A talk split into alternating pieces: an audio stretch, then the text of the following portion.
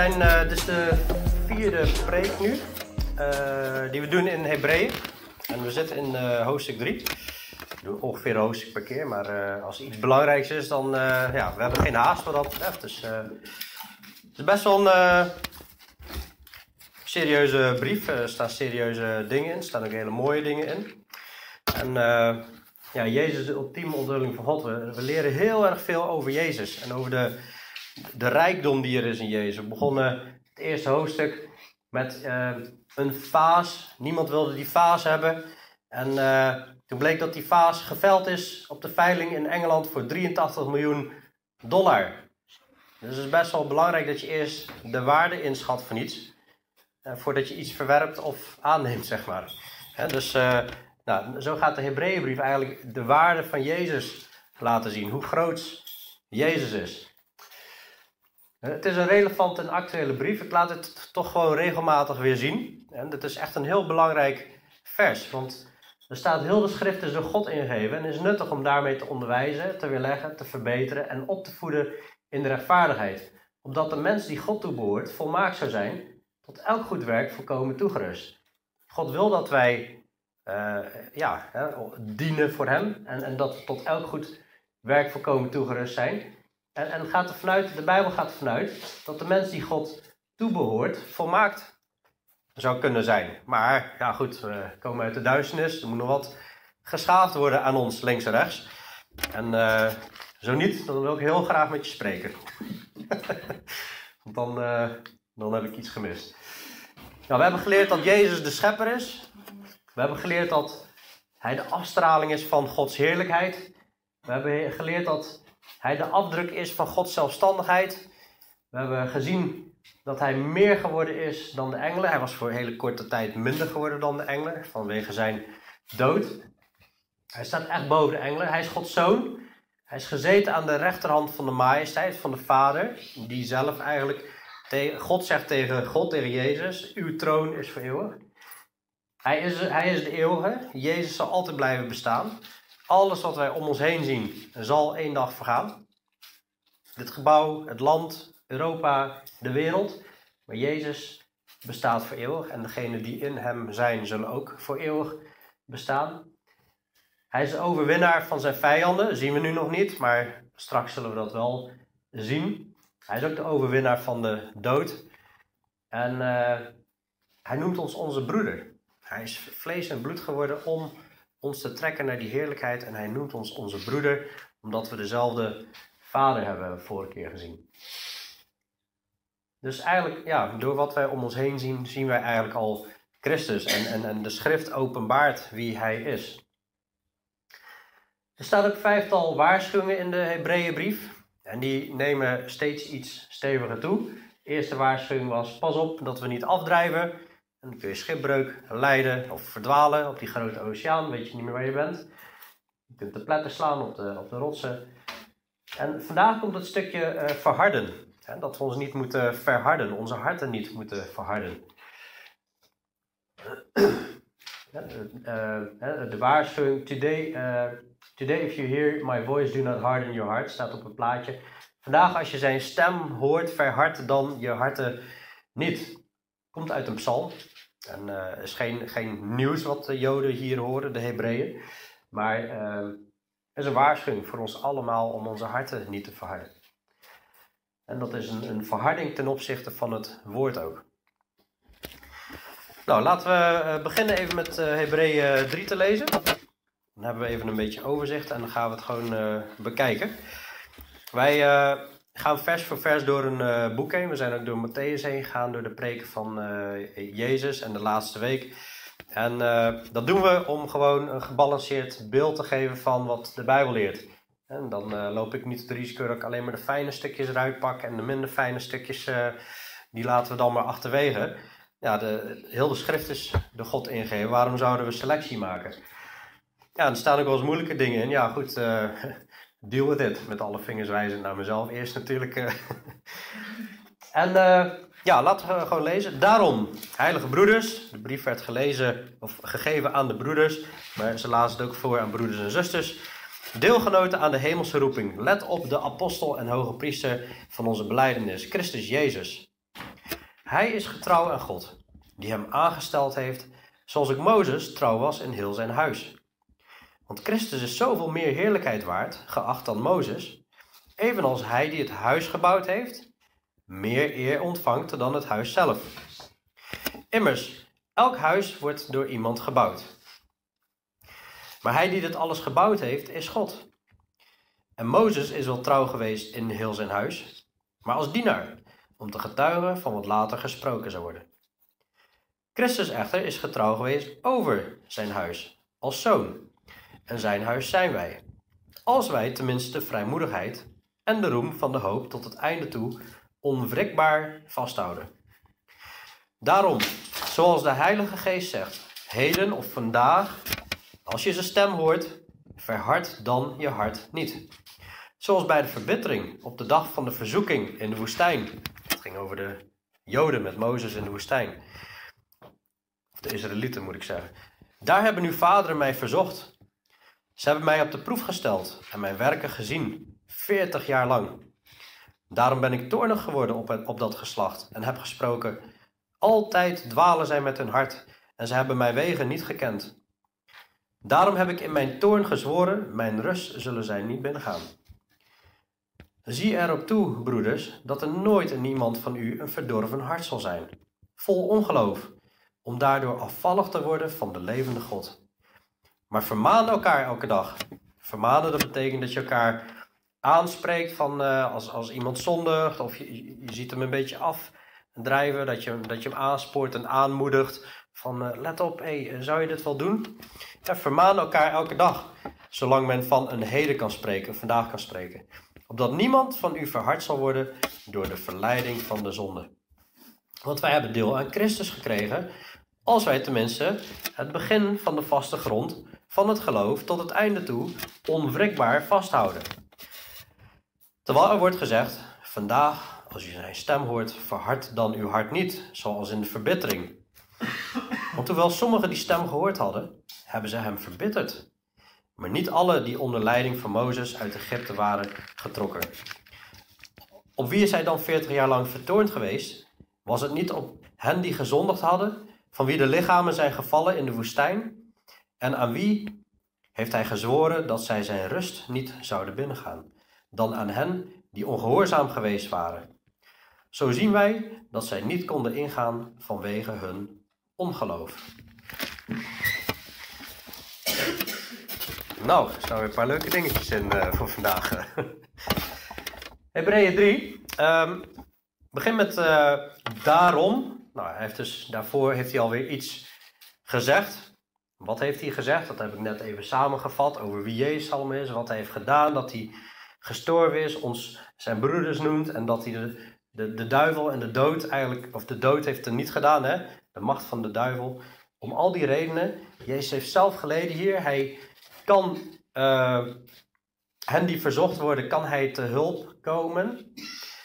Om al die redenen, heilige broeders en zusters, hij zegt meteen al, dit is je positie, je bent heilig, je bent door God geheiligd, schoongewassen, deelgenoten van de hemelse roeping.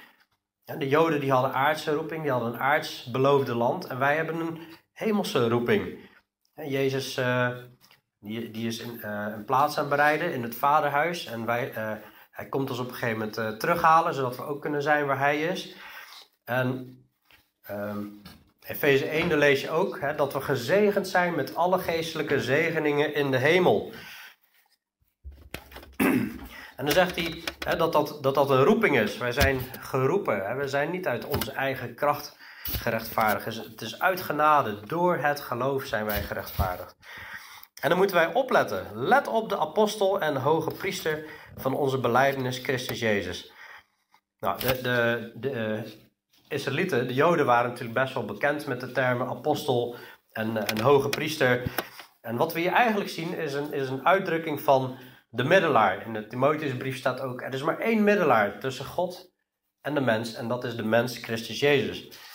Nou, ik heb hier het volgende plaatje. We hebben, we hebben God hier aan de, aan de linkerkant en de mens aan de rechterkant. En, en we weten dat daar een, een afstand was tussen God en de mens. Er was scheiding door de zonde.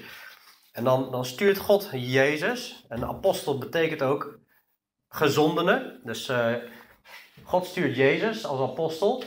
Daar moeten wij op, letten. Jezus als apostel, hoe is hij gezonden?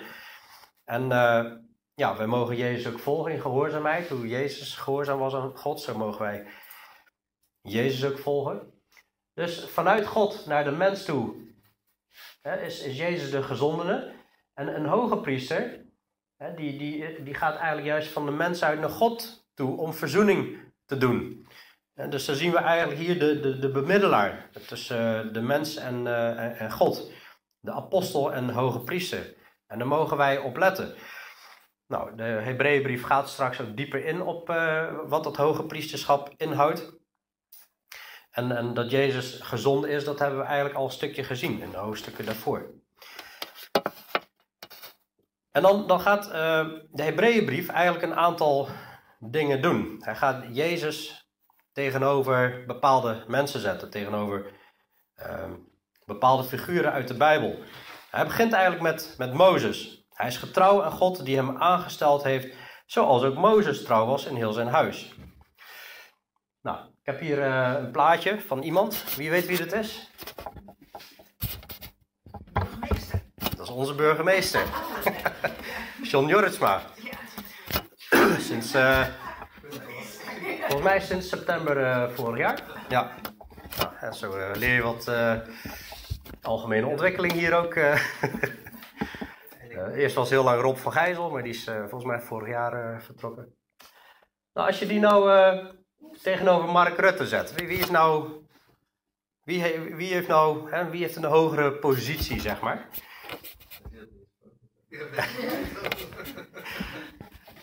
ja, ligt eraan hoe je dat vergelijkt. Hè? Gaat het om hoe mooi ze op de foto staan? Of gaat het om.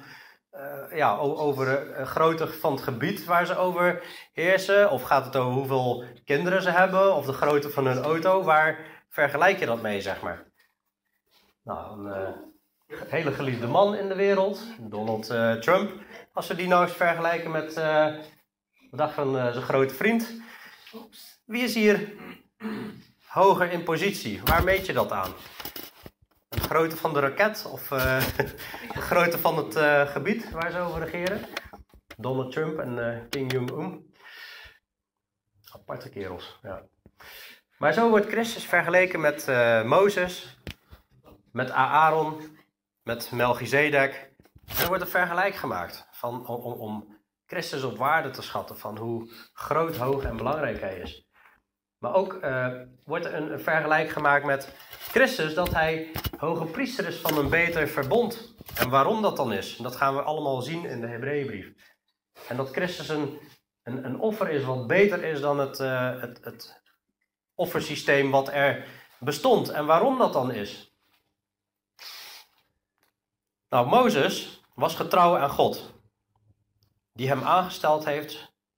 Uh, sorry, Jezus is getrouw aan God, die hem aangesteld heeft, zoals ook Mozes trouw was in heel zijn huis. Hij begint eigenlijk met waarin ze gelijk zijn. Jezus Christus is trouw, Mozes is trouw. Hè? Dus wat dat betreft hebben ze daarin een, een gelijke start. Zoals ik Mozes trouw was in heel zijn huis. Nou, wat is heel Mozes huis? Nou, hij mocht natuurlijk uh, het tabernakel uh, instellen. En dat werd ook wel huis van God genoemd. En later werd dat de tempel. Maar eigenlijk is het hele volk is natuurlijk ook een huis. Hij mocht anderhalf tot twee miljoen Joden uit Egypte leiden. Samen met nog uh, andere volken die zich ook aan wilden sluiten. Maar dan gaat hij verder, want Christus is zoveel meer heerlijkheid waard geacht dan Mozes. Evenals hij, die het huis gebouwd heeft, meer eer ontvangt dan het huis zelf. Ja, dus uh, ja, Christus is, is uh, meer heerlijkheid waard vanwege dat hij uh, ja, eigenlijk de ontwerper van het huis is. Hij is eigenlijk de bedenker eh, van het huis. Immers, elk huis wordt er iemand gebouwd maar hij die dit alles gebouwd heeft, is God. En Mozes is wel trouw geweest in heel zijn huis, maar als dienaar, om te getuigen van wat later gesproken zou worden. Christus echter is getrouw over zijn huis als zoon. En zijn huis zijn wij, als we tenminste de vrijmoedigheid en de roem van de hoop tot het einde toe onwrikbaar vasthouden. Nou, wij zien zo'n tentje en dan denken we van, ja, is dat nou zo indrukwekkend, zo'n tent? Maar het is wel de weg om weer contact met God te maken, om, om je te verzoenen met God voor toen. Maar nu hebben wij een ander huis en daar wil, daar wil hij eigenlijk heen. Nou, ik heb hier een foto van het uh, hoogste gebouw ter wereld. Is een heel indrukwekkend gebouw, 828 meter hoog. Staat in Dubai, de, de Burj Khalifa. En dan zie je hè, in vergelijking met de andere hoogste torens van de wereld, ja, steekt hij er echt uh, met kop en schouders bovenuit. Dat is een ongelooflijk uh, project. Maar ja, het is natuurlijk nog indrukwekkender. Wie heeft dat gebouwd? Wie is de bedenker daarachter en, en, en de architect? Die ontvangt eigenlijk echt uh, diep respect daarvoor, zeg maar. Nou, Zo'n beeld wil hij eigenlijk uh, min of meer schetsen. En ja, we zien ook in de Bijbel meer plekken dat, dat wij ook gebouwd worden als een huis, als een, als een geestelijk huis.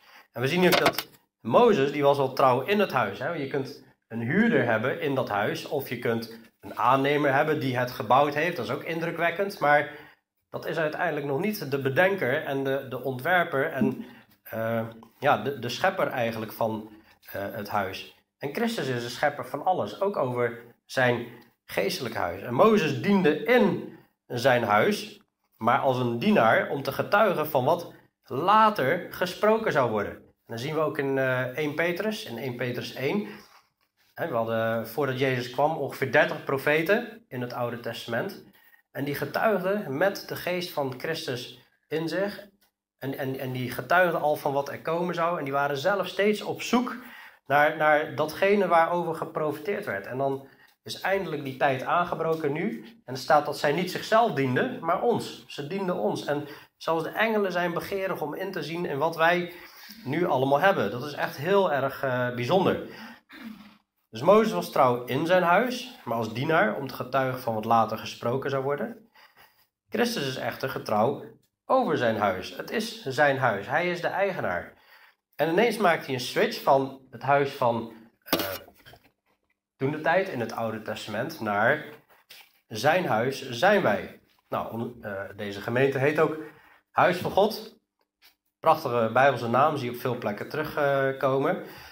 En het is mooi om die, om die naam te dragen, omdat dat ook in de Bijbel voorkomt. Maar je kunt Huis van God heten omdat jij bij de Kamer van Koophandel zo ingeschreven bent. En misschien over tien jaar gewoon gewend bent dat het zo heet.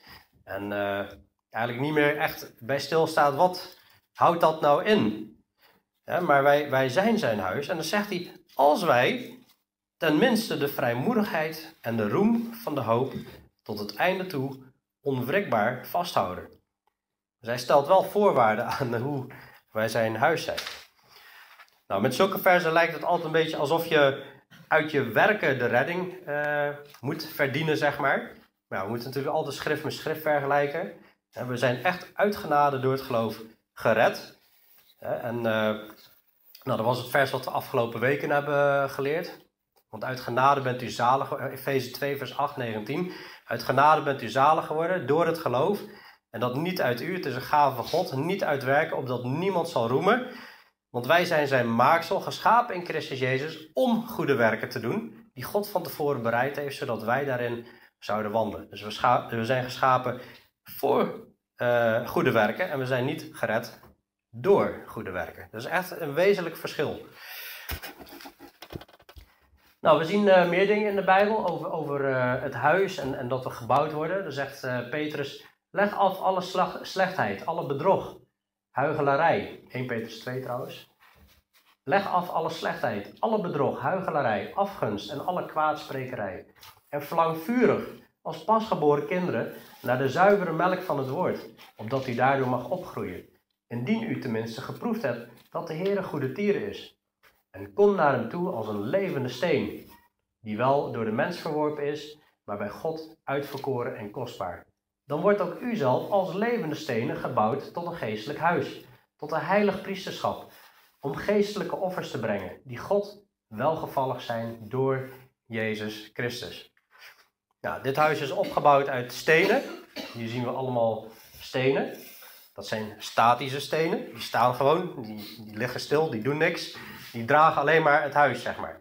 Dat zijn geen levende stenen. Wij zijn levende stenen. We mogen de Heer dienen en in beweging zijn. En omdat we levende stenen zijn, bouwen de stenen ook mee aan het huis, zeg maar. En dat zegt de Heer. Ja, kom als een levende steen. Stel jezelf beschikbaar om als priester te dienen. Dan word je ook meegebouwd tot een geestelijk huis. Het staat niet op zich, dit gedeelte. In eh, Efeze 2, vers 19 zien we ook. Zo bent u niet meer vreemdelingen en bijwoners. Je had de, de Joden, of de Israëlieten, aan hun waren de beloften gegeven. Nu zijn wij niet meer vreemdelingen en bijwoners. Nee, we zijn echt onderdeel van Gods volk. Maar medeburgers van de heiligen en huisgenoten van God. We zijn gebouwd op het fundament van de apostelen en profeten. Daarom zie je ook dat de eerste christenen volharden in de leer van de apostelen. Dat is het fundament. Als we ons, ons geloof hierop bouwen, op het woord van God, dat is het fundament. Waarvan Jezus Christus zelf de hoeksteen is. En hoeksteen, ik ben zelf natuurlijk uh, bouwkundige, dus dit, dit ligt helemaal in mijn straatje, al die uh, termen. Uh, een hoeksteen, dat is, dat is het belangrijkste punt. Daar, daardoor wordt bepaald waar en hoe het huis gebouwd gaat worden. Dat is je, je uitgangspunt. En Christus is een hoeksteen. Alles is. ja, de hoeksteen bepaalt alles en, en vanuit daar wordt het huis verder opgebouwd. En op wie het hele gebouw, goed samengevoegd, verrijst tot een heilige tempel in de Heer op wie ook u medegebouwd wordt tot een woning van God in de geest. Nou, en we, en we kennen natuurlijk nog in, zowel in 1 Korinthe 3 als in 1 Korinthe 6, daar staat, weet u niet dat uw lichaam een tempel is van de Heilige Geest, die in u is en die u van God hebt ontvangen en dat u niet van uzelf bent. U bent immers duur gekocht. Het was de Zoon van God die uit de hemel neer moest dalen en die verbrijzeld moest worden, zegt Jesaja 53. Dat was echt een hele grote prijs waarmee wij betaald zijn, zeg maar, om onze redding te krijgen, verheerlijk daarom God in uw lichaam en in uw geest, die van God zijn. En als we ja, denken aan de, aan de Heilige Geest die in ons woont, dat maakt ons onderdeel van het huis van God. En we vergeten vaak, hè, we hebben het vaak over de geest en, en, en dat die in, in, in en door ons werkt, maar de Heilige Geest, dat, dat, woord, dat woord heilig, dat, dat vergeten we wel eens. Hè, van wat die betekenis eigenlijk inhoudt. Heilig, dat betekent apart gezet, zonder zonde, gewoon puur, volmaakt. En ehm, dat is eigenlijk wat God in ons wil bewerken. en dat we daarin willen groeien. Daar hebben we even wat achtergrondinformatie hè, van zijn huis zijn wij, als we tenminste de vrijmoedigheid en de roem van de hoop tot einde toe onwrikbaar vasthouden. Kom als levende stenen. Nou, hij is hier, hier weer iets aan het zeggen. En het, het, is eigenlijk het ene stuk naar het andere stuk. Dan, dan geeft hij weer wat informatie. En dan komt hij weer met zijn daarom. dus hij heeft het ook weer gezegd met een reden. En dat we zijn huizen zijn. Daarom, zoals de Heilige Geest zegt. Heden, vandaag, als je zijn stem hoort, verhard dan uw harten niet zoals bij de verbittering op de dag van de verzoeking in de woestijn. Daar hebben uw vaderen mij verzocht. Zij hebben mij op de proef gesteld en mijn werken gezien veertig jaar lang. Daarom ben ik toornig geweest. En eh, in, in de Engelse Bijbel staat grieved, een, een, diepe, een diepe bedroefdheid, maar ook, ook, ook uh, toornigheid zit erin. Daarom ben ik toornig geworden op dat geslacht en heb gesproken. Altijd dwalen zij met hun hart en ze hebben mijn wegen niet gekend. Daarom heb ik in mijn toorn gezworen, mijn rust zullen zij niet binnengaan. Nou ja, als jij eigenlijk al in, in Exodus na de uittocht uit Egypte, wat echt groot, een groot wonder was, met die, met die tien uh, zware plagen over, over de farao en, en over de goden en over dat land, omdat ze niet wilden luisteren naar God en hoe God daar groots gewerkt heeft. En dan zijn ze daaruit en dan gaan ze ook nog door die rode zee met een wonder van God en wordt het leger verslagen. En dan zie je in Exodus 15 een triomfantelijk lied van, uh, van Mozes waar je kippenvel van krijgt. En dan meteen het volgende hoofdstuk. Klagen. Klagen. En vanaf die tijd klagen. Klagen. Klagen. Tot en met in nummerie klagen. Klagen. Alleen maar klagen. Ik overdrijf niet. Lees het, Exodus tot met nummerie. Je denkt echt ongelooflijk hé, wat ze allemaal gezien hebben en meegemaakt hebben. Maar ja, tegelijkertijd worden de vingers naar ons eigen hart gewezen. Van wat heeft Jezus allemaal gedaan? Voor ons. dat is het vergelijk wat hij eigenlijk maakt. Wat voor wonderen heeft Jezus allemaal gedaan? Wat heeft hij allemaal laten zien? En beseffen we dat nog? Of zitten we maar te klagen? Daar, daar wil hij uiteindelijk heen. Hier heb je bijvoorbeeld Exodus 16. Een hele gemeenschap van de Israëlieten moorden tegen Mozes en tegen Aaron in de woestijn. De Israëlieten zeiden tegen hen: Och, waren wij maar door de hand van de Heer gestorven in het land Egypte, toen we bij de vleespotten zaten en brood aten tot verzadiging toe. Want u hebt ons uitgeleid naar deze woestijn om heel deze gemeente van honger te laten sterven. Weet je wat het bizarre hierin is? Als jij in, in, in Exodus in begin leest, dat, dat Israël schreeuwde het uit naar God. En, en, en hun hulpgroep ging continu op naar de hemel. En dat God op een gegeven moment zegt van... Mozes, ik ga jou roepen om dat volk uit te leiden. Want ik, ik heb hun hulpgeroep gehoord. De Israëlieten riepen zelf om de verlossing. Wie krijgt hier de schuld? Mozes krijgt de schuld. U hebt dit gedaan. Ja, echt, mensen zijn vergeetachtig. We moeten echt uh, soms eens even, toch wel even goed de feiten op een rij zetten. Als ze beginnen te mopperen en te klagen. Selectief geheugen. Kijk eens, we hadden het zo goed toen we bij de vleespotten zaten. Op een andere plekje lezen. En we hadden komkommers en knoflook. En daar verlangden ze allemaal naar. En, en, en dan herinnerden ze alleen maar de goede dingen. Maar die zware onderdrukking en die slavernij. En dat sommigen daar gestorven zijn door de harde, harde onderdrukking. Gewoon vergeten. Dat is toch belachelijk eigenlijk, hè? Ik wil niet zeggen dat het altijd makkelijk was in die reis op in, uh, door, de, door de woestijn. Maar ja, hoe zit dat met ons? En dan komt, dan komt hij straks uh, komt hij daar even op terug. En ze kregen op een gegeven moment manna, brood uit de hemel, 40 jaar lang. God zorgde voor ze. En kwakkels, vlees kregen ze ook nog om te eten. En dan zie je in, in, het, in het volgende hoofdstuk, hoofdstuk 17, weer klagen, want ze hebben dorst. Ze hebben totaal geen vertrouwen in God. Terwijl God zo groot heeft laten zien: kijk, ik ga jullie roepen als mijn volk. Ik, ga, ik heb een plan met jullie. Denk je dan niet dat hij, heeft een land beloofd? Als ze, als ze goed hadden opgelet naar de belofte aan de vaders Abraham, Isaac en Jacob, dan wisten ze: God gaat ons in dat land brengen.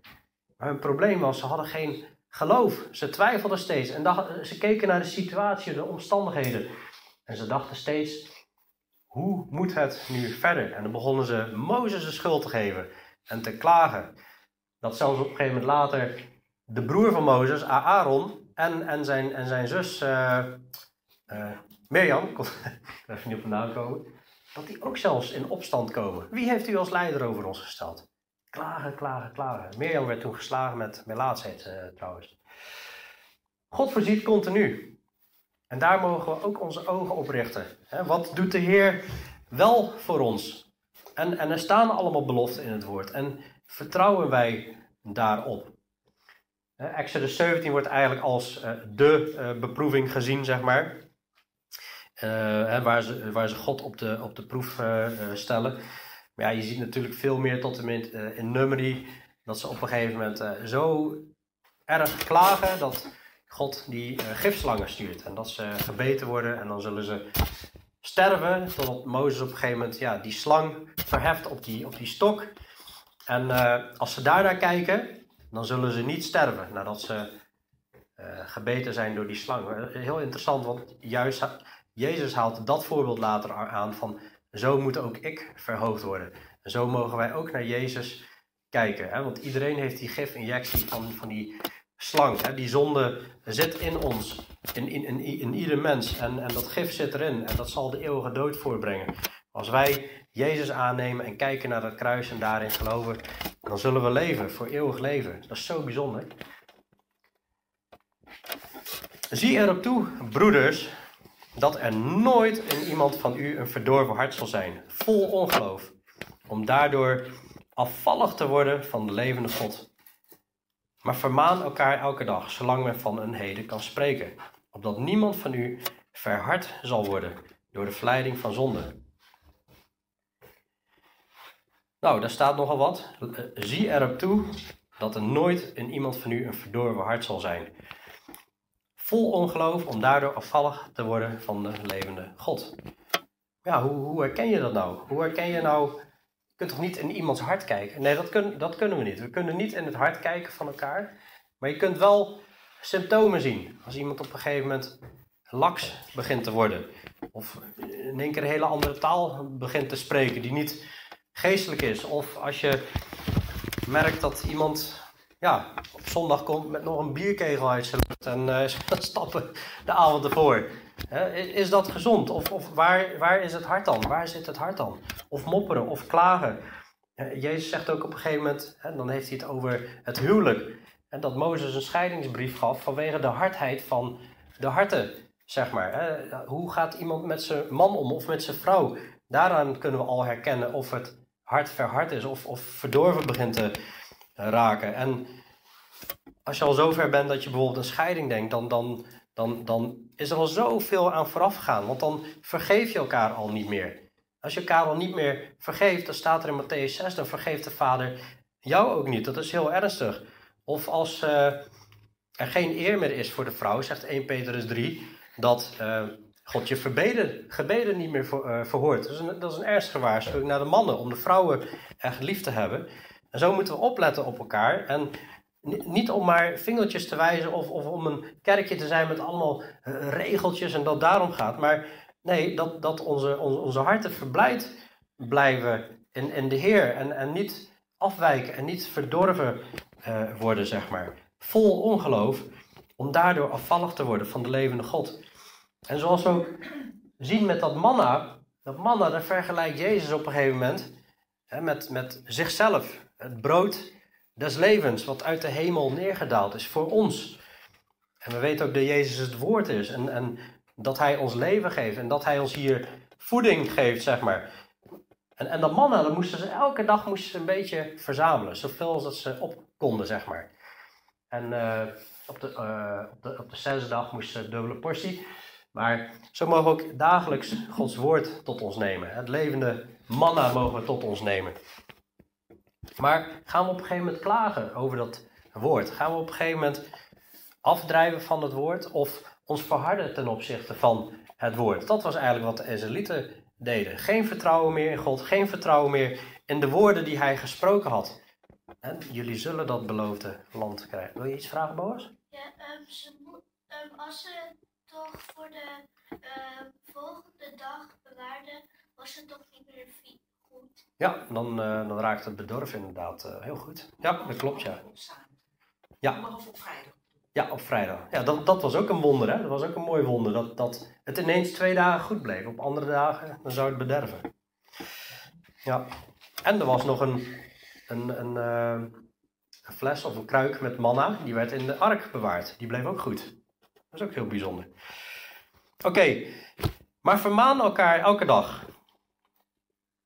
Ik was eigenlijk van plan om een stef mee te nemen. Dan konden we het eruit strepen, want dat doen wij niet. Dus uh, nee.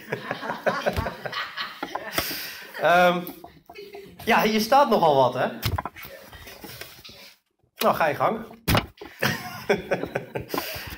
nee, goed. Um,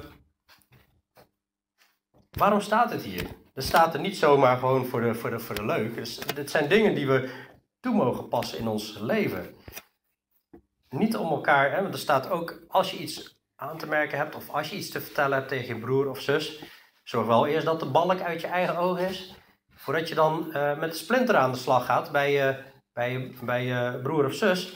Want anders word je geoordeeld op een manier, uh, of anders word je geoordeeld op, op de manier waarop je zelf oordeelt. Als jij zelf een, vol zondig leven hebt en, en je, je wil dan je broer of zus vermanen, dan Begin eerst maar met jezelf. Maar dat wil dus niet zeggen dat we elkaar niet uh, vermanen. En dus God heeft de gemeente gegeven en, uh, ja, om uh, elkaar op te bouwen. Hè, zodat we heilig mogen zijn voor Christus. En zodat Hij uiteindelijk verheerlijk mag worden. En dat is niet om elkaar te plagen, om te, te pesten. Dat is tot, tot eer van God. Nou, eigenlijk, ik, ik ben nu gewoon aan het preken over dit. Dat is eigenlijk ook al een vermaning, hè? omdat, omdat je gewoon eh, er doorheen gaat. En, en het is de Heer zelf die hier spreekt. Vermaan elkaar elke dag zolang men nog van een vandaag kan spreken. Je weet niet wanneer het allemaal stopt. Je weet niet wanneer de Heer terugkomt. Het kan zo afgelopen zijn. Opdat niemand van u verhard zal worden door de verleiding van de zonde. En zonde komt nooit zomaar. Hè? Dat is altijd in een verpakte vorm dat, dat je verleid wordt. Dus het ziet er altijd mooi uit, of altijd, het valt wel mee, het zal wel loslopen. Een beetje zo'n houding. Nou, wij, wij hebben uh, beleid elkaar de zonde, zal, zal ik bij deze doen. Wij hebben, wij hebben anderhalf week, twee weken geleden een film gekeken met, met een gezin. Hele leuke film. Uh, maar ja, tussendoor wordt het toch wel een, een keer of zes, zeven, uh, oh my god, of ja, dat God je zal verdoemen uitgesproken. En ja, dat, dat, dat, zit me niet lekker. En toch kijk je maar verder. En je kijkt maar verder, want het is toch een hele leuke film. Het ziet toch heel mooi eruit. En, en, en we waren klaar. En het zat me gewoon dwars. Dat ik dacht van, ja, maar wij zijn hier door die preken aan het gaan. Wat, hoe belangrijk het werk van Jezus is. En dat één zonde gewoon zo erg is dat de mensheid uit de hof is weggestuurd. Het was maar een hapje van die vrucht. zonde is gewoon echt heel ernstig. God moest zijn zoon verbrijzelen. Nou, en een van, die, een, een van de geboden is Gods naam niet verkeerd gebruiken. dus op het moment dat wij dat gewoon als entertainment gaan zitten bekijken, en eigenlijk zoiets, ah, het valt wel mee, is dat zo? Want ondertussen ben ik mijn kinderen aan het voeden. Met wat? Ja, ze zullen het in de wereld toch wel tegenkomen, maar ja, wat moet ik ze er thuis mee En ik ben ook in gesprek gegaan met Joza en Nevia gezegd van, ja, wat, vinden jullie daarvan? Hè? Ze, misbruiken eigenlijk Gods naam. En we, we, hebben, we hebben toch doorgekeken. Uh, hoe, zou Jezus dat vinden? Hoe, wat denk je wat hij daarvan vindt? Zou hij doorgegaan zijn met, met kijken? Of, uh, hè, ik, wil, ik, ik, wil echt niet te krampachtig zijn uh, in, in het leven, dat, dat, wil ik niet zeggen. Maar zien we eigenlijk wel in wat de ernst is ervan. Hè? En, en als we de ernst zien van zonde, mogen we er ook al over nadenken. En eigenlijk kwamen uh, Josai en Nevia, ik heb niet gezegd wat ze moeten doen, maar afzonderlijk van elkaar was ik met hun in gesprek.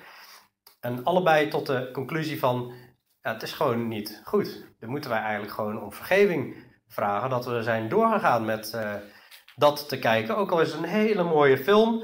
Het is allemaal verleiding, hè? verleiding van de zonde. En dan, want wat je erin stopt, dat komt er in gedachten ook uit. Als je dan weer die keer op je duim slaat met de hamer. En dan, wat is dan het eerste wat dan in één keer in je opkomt? Dat is wel waar je, waar je jezelf mee voedt, zeg maar. Nou goed, en er kunnen nog allemaal andere voorbeelden zijn. Verleiding van de zonde. En, en, en het is ook dat selectieve geheugen. Dat je denkt, ah, vroeger hadden we die avondjes en, en, dan zakten we door, lekker zuipen. Ja, herinneren we ons nog die katers?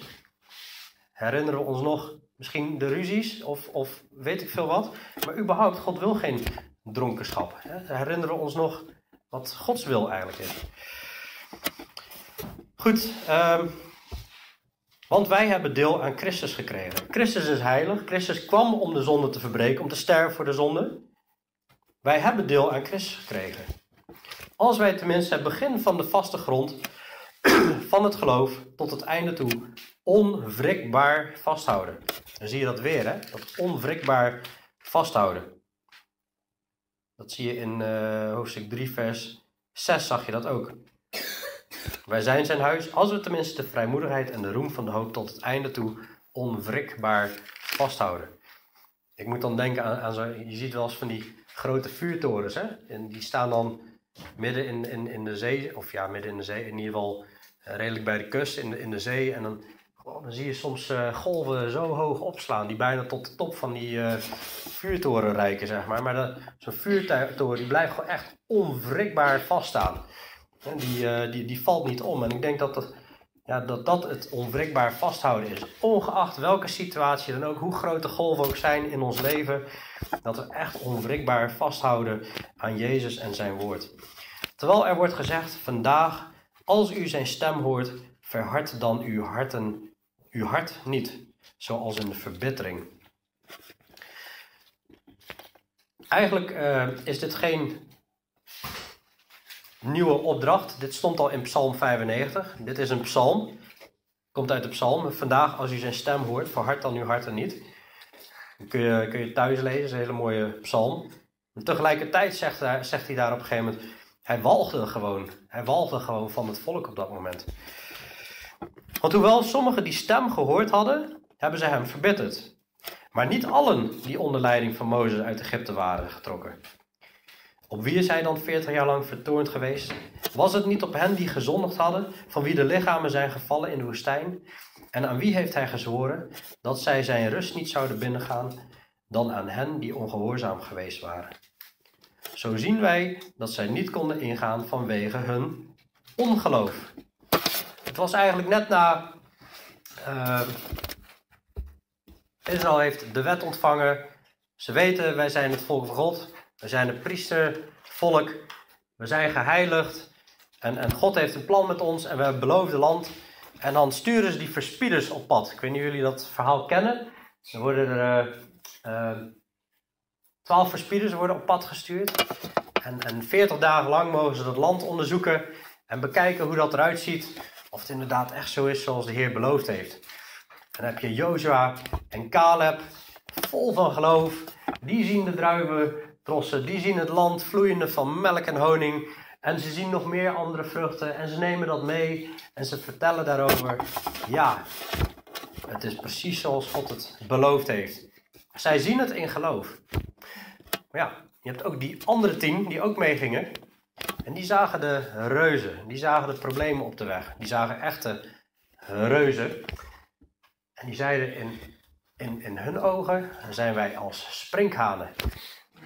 Ja, nou, dat is, dat is niet echt heel erg bemoedigend of, of aansporend om uh, ja, vol geloof dat land binnen te gaan. En wie geloofde het volk? Ze geloven die tien. Ze geloven die tien die de problemen op de weg zagen en die vol ongeloof waren. En die geloven ze. En dat zie je echt heel vaak terug in de Bijbel. Dat de meerderheid gevolgd wordt. Dat de meerderheid geloofd wordt in plaats van dat God geloofd wordt. Of de mensen gevolgd worden die, die, die wijzen op Gods uh, trouw. Die wijzen op Gods belofte. En eigenlijk is het door dit ongeloof dat het volk niet gelooft. Het verhaal van Jozua en Caleb. Door dat ongeloof worden ze eigenlijk 40 jaar lang door de woestijn geleid. Maar gelukkig, heel veel, of ja, heel veel zijn daar gestorven, maar gelukkig niet iedereen. Want Joshua en Caleb, die zijn het land binnengegaan. En zij zijn continu in het geloof gebleven. En, en Caleb, dat was echt een geloofstrijder. Die was op een gegeven moment zelfs 85 en, en, die had nog de kracht van een 40-jarige in zich om te strijden voor de Heer. En, en, Joshua, die is groots gebruikt om, om uh, ja, het, het, het land in te nemen. En die heeft nog gestaan voor die man. En dat hij zei, wie, bent u? Bent u voor ons of tegen ons? En dat die man zei, ik, ik ben de bevelhebber van de hemelse legermachten. Ik geloof dat dat Jezus uh, is in het, in het Oude Testament, dat zie je vaker. En, en hij is groots uh, gebruikt. En wie, wie volgen wij? Volgen wij de mensen vol met geloof? Volgen wij Gods belofte? Of hebben we een hart vol ongeloof? Ongeloof leidt tot ongehoorzaamheid. Ongehoorzaamheid en ongeloof leiden tot verharding van het hart. En al die ingrediënten samen leiden tot een verdorven hart. En, dat, en dat, dat is ernstig. Daar wordt hier ontzettend voor gewaarschuwd. We hebben laatst wel ook gezegd: ik geloof niet dat je, als je opnieuw geboren bent, je redding kan verliezen. Want degenen die opnieuw geboren zijn, die volharden ook tot het einde. Maar mensen die afdrijven, moet je toch serieus in je hart gaan onderzoeken. Ben je echt werkelijk opnieuw geboren? En zo niet, er is een oproep om dagelijks gewoon te bekeren. En breng vruchten voort in overeenstemming met de bekering. Dat was al de boodschap van Johannes de Doper, die de weg voorbereidde voor Jezus. En het eerste wat Jezus riep toen hij zijn prediking begon, bekeer u. Want het koninkrijk van de hemel is nabijgekomen. Als wij Jezus geloven, dan bekeren we ons. Dan, dan keren we ons af van de duisternis en de werken van de duisternis. En we kijken naar Jezus, we letten op die apostel en hoge priester die het allemaal volbracht heeft. En dan verharden wij ons hart niet. Dus als er vandaag iets is, als er vandaag iets is langsgekomen in gedachten, dat je denkt, oei, dat zou ik misschien wel op moeten ruimen. Dat is misschien uh, iets wat mij in de weg staat om Jezus volledig te volgen, dan is dit het waarvan de Heilige Geest zegt: vandaag, als u zijn stem hoort, verhard dan uw harten niet, zoals in de verbittering in de woestijn. Dat is de oproep. Want anders zal dat hart beetje bij beetje ingekapseld worden. Je ziet hier een steen wat beetje bij beetje dat hart, dat hart inkapselt. En laten we weken hard houden. Mozes was de meest zachtmoedige man, ondanks dat hij continu zoveel verharding tegen zich aankreeg. Wat je ook meemaakt, we mogen bidden voor een, een week hart voor mensen om ons heen. Al hebben mensen op je ziel getrapt, je hebt dan de neiging om je te verharden.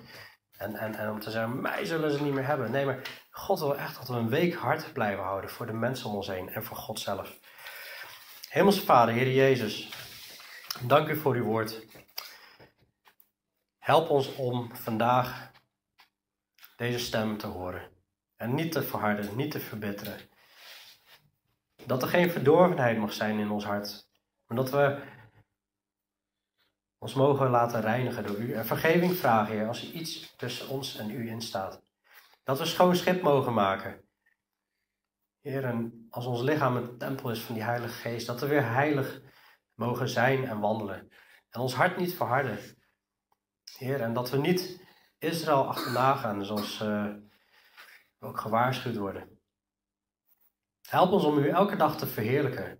Heer, en uh, ja, dat we weer die blijdschap mogen hebben van die, van die redding, terwijl we groeien naar die volmaaktheid, Heer.